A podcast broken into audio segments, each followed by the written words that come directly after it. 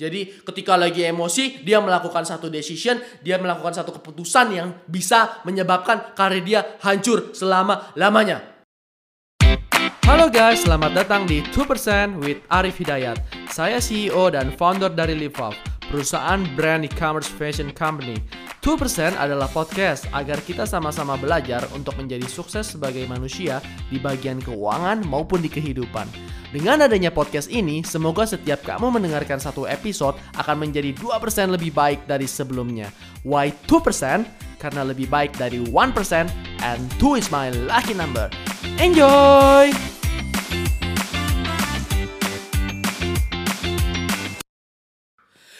Guys, I'm Arif and welcome to the show! Episode 14! Woohoo!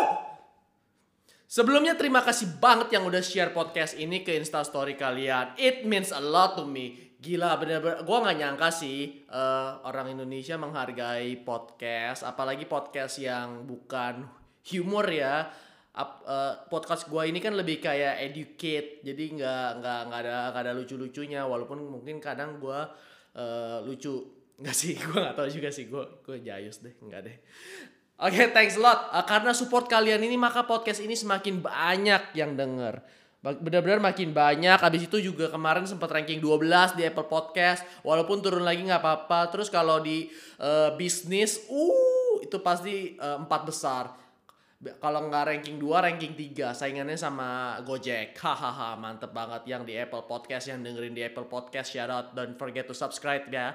Jangan lupa di subscribe yang di Apple Podcast. Terus dikasih review bintang 5.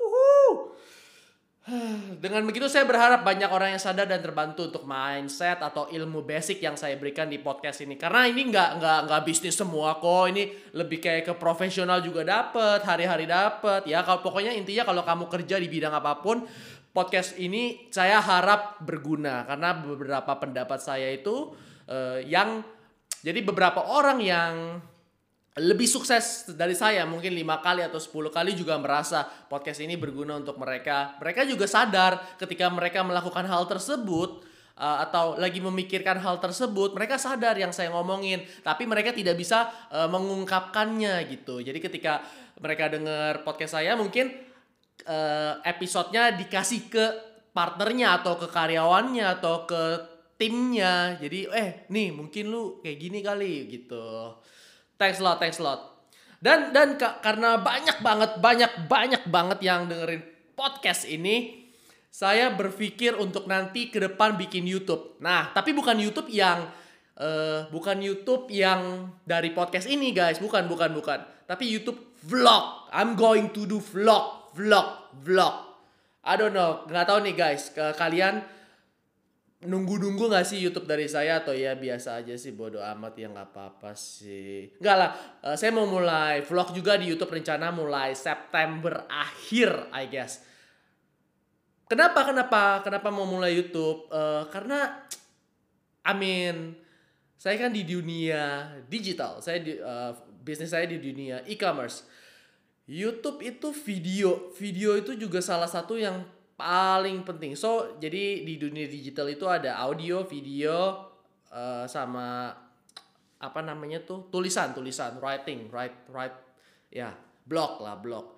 Jadi uh, di dunia digital tuh tiga tiga itu doang, audio, yaitu yang mendengar, visualnya YouTube. Abis itu kalau yang suka baca, kayak baca buku itu write-nya. Nah, di di YouTube saya nggak ada sama sekali. Ya ada sih video YouTube tapi juga itu juga tarikan doang dari podcast. Nah, mudah-mudahan uh, kalau semuanya lancar, uh, saya mau ngevlog seminggu sekali. Ya kalau kalian mau ngikutin vlog YouTube saya masih subscribernya masih seribu sih, boleh ke Instagram saya terus klik di linknya terus uh, klik yang YouTube Arif Hidayat terus boleh di subscribe. Oke okay guys, let's go to the content. Dalam satu tahun terakhir, saya banyak baca buku tentang ego. Apalagi yang paling terkenal tuh bukunya Ryan Holiday, Ego is the Enemy.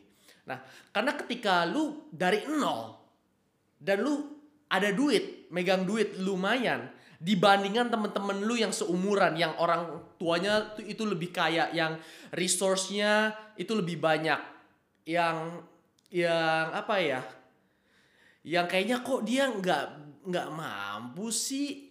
Kok atau nggak kok pemikirannya masih kayak gitu sih? Dan lu lu menjadi sukses. Lu akan berpikir lu tahu segalanya. Dan akhirnya lu akan mempunyai big ego. Ego yang gede. Oke hari ini saya akan bahas saya akan cerita tentang kejadian saya sendiri. Eh, saat saya stres kesel atau dengki ini dengan ego dan sabar. Tenang tenang Mungkin kalian akan uh, masih bingung sekarang, tapi tenang, nanti akan ada hubungannya stres, kesel, dengki sama ego dan sabar. Jalanin hidup di bisnis atau kerjaan itu nggak gampang. Karena ketika kamu semakin besar, kamu juga berhubungan dengan orang-orang uh, yang lebih sukses, yang lebih besar juga. Nah, kecenderungan orang-orang yang lebih sukses itu yang masih OKB ya guys itu egonya tuh gede-gede semua. Jadi nggak lagi ngomongin yang hartanya memang udah tajir melintir ya kayak hartanya tuh di atas 200 miliar ke atas. Ini masih yang kayak ya penghasilan 50 juta, 100 juta, 500 juta per bulan. Ini saya lagi ngomongin yang kayak itu. Nggak semua sih, banyak banget yang baik juga. Tapi ada beberapa dan persentasenya itu besar. Saya juga dulu masuk ke kategori ini. Untungnya saya sadar Nah nanti saya mau cerita nih tentang kejadian saya sendiri yang kalau aja uh, saya nggak ada ego itu mungkin saya akan lebih sukses lagi, lebih cepat lagi dan nggak ngulang kesalahan. Aduh, kesalahan itu yang membuat revenue perusahaan saya turun beberapa double digit lah, beberapa double digit percentage. Beberapa kali saya juga gagal dalam project-project besar juga karena ego misalkan kayak nggak dihargain gitu jadi udah lu nggak butuh gua bye gitu kan. Lu nggak butuh gua gua nggak butuh lu. Tapi tapi kan sebenarnya nggak nggak boleh seperti itu. Kalau ego gede itu aduh ah bad things bad things bro bad things. Nih contohnya kejadian dua tahun lalu. Ini cerita uh, asli dari gua. Ya gua gua ubah-ubah sedikit lah biar uh, datanya nggak terlalu terbuka ke umum. Nah Live Half Fashion Company gue itu mau fokus di barang denim. Barang jeans, jaket, jaket biker gitu, vest, rompi, pokoknya yang denim deh. Denim kan bisa apa aja, bisa jaket denim, bisa celana denim, bisa celana pendek denim, robek-robek yang kayak gitu-gitu. Nah, abis itu gue datengin ini pabrik di Bandung yang memang khusus bermain di kategori tersebut, yang which is adalah denim. Long story short, ini gue baru baru kenal ya baru bangun hubungan lah ya, terus baru jalan 3-5 bulanan. Ada order, uh, kita order, kita order, kita tektokan, sampling, gitu-gitu. Nah, tetapi ada suatu kejadian, dia menyinggung perasaan saya. Again, ini saya pakai cerita fiktif, saya ubah-ubah dikit lah detailnya. Let's say saya taruh purchase order 1000 pieces jeans hitam. Nah, purchase order itu order lah ya guys. Jadi uh, saya sebagai pemilik brand saya order ke dia 1000 pieces jeans hitam sebagai dia pabriknya gitu. Dengan proses pencucian A B C washing, pencucian washing itu jadi kalau denim itu diubah ke warna abu muda, abu tua atau hitam pekat itu namanya proses washing. Jadi ada proses washing A, B, C gitu ya dengan deadline waktu dua bulan. Dua bulan sudah berjalan nih, tapi barang juga belum dikirim dan tanpa kabar atau follow up. Nggak, dia nggak follow up gitu kalau ada keterlambatan kayak misalkan deadline-nya 1 Agustus gitu. Udah udah 5 Agustus nggak ada kayak nggak ada kejadian apa-apa gitu. Padahal kan udah udah komit dong, udah ada kontrak kayak gitu. Nah, terus saya yang harus follow up. Dia udah telat nih. Gimana barangnya? Dia jawab, sedang diproses, sabar aja. Nah, saya jawab dong, estimasi selesai kapan? Karena kita kan di Live Up ini uh, launching barang tuh kalau bisa seminggu sekali minimal, minimal. Jadi ngejar target banget. Kalau ada yang ngaret ya udah ngaret semua ke belakang ke belakangnya. Terus saya jawab kan, estimasi selesai kapan? Belum tahu, tunggu aja. Kita kan nggak ngerjain Anda punya doang. Boom. Saya masih sabar dong mungkin ya udahlah mungkin dia baru atau mungkin dia lagi di atas angin ya udah bla bla bla nggak dikasih deadline. Ya udah saya harus follow up lagi tiap dua minggu. Dan setiap saya follow up dia dia juga jawabnya seperti nggak merasa bersalah gitu. Dan merasa seperti dewa nggak ada minta maaf nggak ada penjelasan. Singkat cerita barang sudah selesai. Yang tadinya harusnya dua bulan ngaret jadi empat bulan udah ngaret empat bulan ada salah lagi ada dua proses yang dia tidak kerjakan tadi kan ada washing A, B, C gitu ya. A itu buat halusin, B itu buat uh, ada agak bercak-bercak putih gitu. C itu buat garis-garis gitu ya. Pokoknya A, B, C. Makanya saya nggak, saya paling nggak suka jelasin teknis karena kasihan kalian yang nanti uh, nggak nggak nggak terlalu ngerti. Pokoknya ada A, B, C. Dia nggak ada dua proses yang dia nggak kerjain nih, B sama C-nya. Cuman A udah nyampe di gudang lagi. Terus saya tanya dong, Kenapa proses B dan C-nya nggak ada, nggak kayak PPS. PPS itu pre-production sample. Dia cuma jawab lupa namanya juga manusia pak. What the fuck? Terus saya jawab dong. Lalu gimana? Dia bilang, ya udah bapak bayar dulu aja deh. Kan, kan karena semua pabrik itu pasti saya uh, minta tempo Tempo itu kalau ada udah selesai kirim invoice ada yang temponya satu bulan, dua bulan, tiga bulan. Tergantung negosiasinya gimana. Ya udah pak bayar dulu aja deh dia bilang gitu. Itu kan cuman B dan C aja pak minor kok. Masa gitu aja harus revisi. Padahal menurut saya, menurut saya itu B dan C. Lu bayangin lah, lu jeans lu, lu mau ada bercak-bercak putih gitu biar keren kan? Dia dia washingnya tuh polos doang. Itu kan udah jelas-jelas salah banget. Itu kayak gue minta gelas bentuknya bulat. Dia bikininnya kotak kan beda. Singkat cerita karena waktu itu uh, ego saya masih besar dan kesel juga udah ke ubun-ubun. Ya udah saya bayar aja lalu saya putuskan hubungan dengan pabrik tersebut on the spot langsung diputusin Brup, gitu like oke okay, gua nggak butuh lo gua cari aja yang lain uh, pada saat minggu itu juga. Waktu itu top line revenue, top line revenue itu omset ya guys. Omset itu ya namanya revenue, revenue ya. Revenue saya itu jatuh sekitar 10%. Karena denim tersebut kontribusinya 10% ke perusahaan saya. It's, itu itu sakit banget loh 10%. Kayak lu lu lu pendapatan lu ya kayak pendapatan lu sekarang abis itu dikurangin 10%. Bukan profit loh tapi revenue lo, sales 10% itu gede banget. Orang kalau beberapa orang, beberapa company itu kalau revenue-nya turun 10%, itu pasti langsung rugi karena fixed cost-nya itu gede. Terus juga memang terakhir saya dengar sih udah bangkrut pabrik tersebut karena nggak ada izin, nggak ada apa. Iyalah pasti juga dalamnya itu kacau balau. Oke, jadi pelajaran apa? Bukannya wajar Rif kayak gitu. Lu kan kesel wajar dong. Hmm, enggak, enggak. Enggak boleh gitu guys kalau mau gede guys. Selama ini uh, karena berkembangnya personal development saya juga, saya juga banyak belajar dari orang, enggak boleh menghadapi segala sesuatu itu nggak boleh kayak saya waktu itu langsung memutuskan, bro, putus, bye. Nggak, nggak boleh. Saya juga dalam proses komunikasi tersebut mm, ngegas banget juga sih, karena karena saya berasa sebagai saya customer loh kok nggak dihargai sama sekali dengan nada-nada tingginya saya juga seharusnya mestinya nih jadi pelajarannya ini seharusnya nih mestinya saya bermain politik.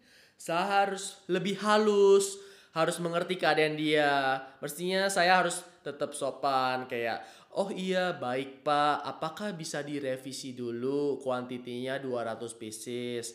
Karena kan saya sudah janji nih dengan customer di Live Half bahwa produknya akan seperti ini. Walaupun dalam hati gue pengennya teriak-teriak tuh.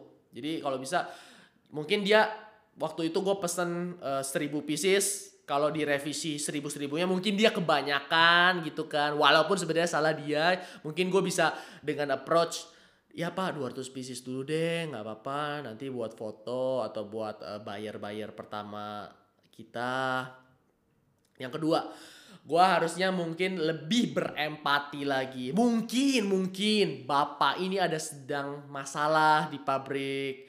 Mungkin saya bisa menawarkan bantu untuk manajemennya atau memberikan saran. Karena by the way guys, uh, gue punya pabrik, partner pabrik itu kurang lebih 11 total. Ada yang uh, kadang-kadang ada yang rutin. Total tuh kurang lebih 11. Nah, yang kecil-kecil, yang karyawannya itu masih di bawah 150, biasa gue tektokan langsung sama ownernya untuk membantu manajemennya jadi supaya sama-sama cepet sama-sama uh, belajar gitu untuk bisnis proses improvementnya atau memberikan gue saran ke bapak itu.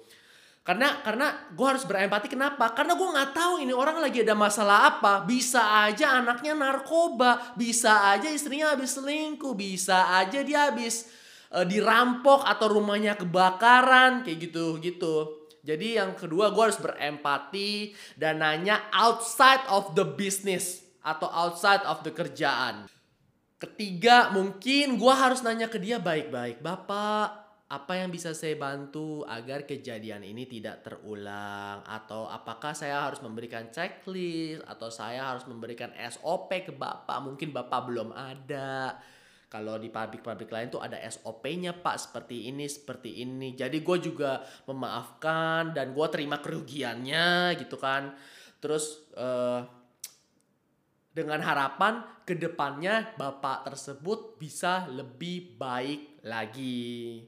Mungkin ini semua salah gue juga karena gue nggak melakukan uh, namanya itu random QC ke pabrik sana. Jadi datang ke pabriknya, terus gua ngecek barangnya sebelum dikirim ke gudang gua yang di Tangerang.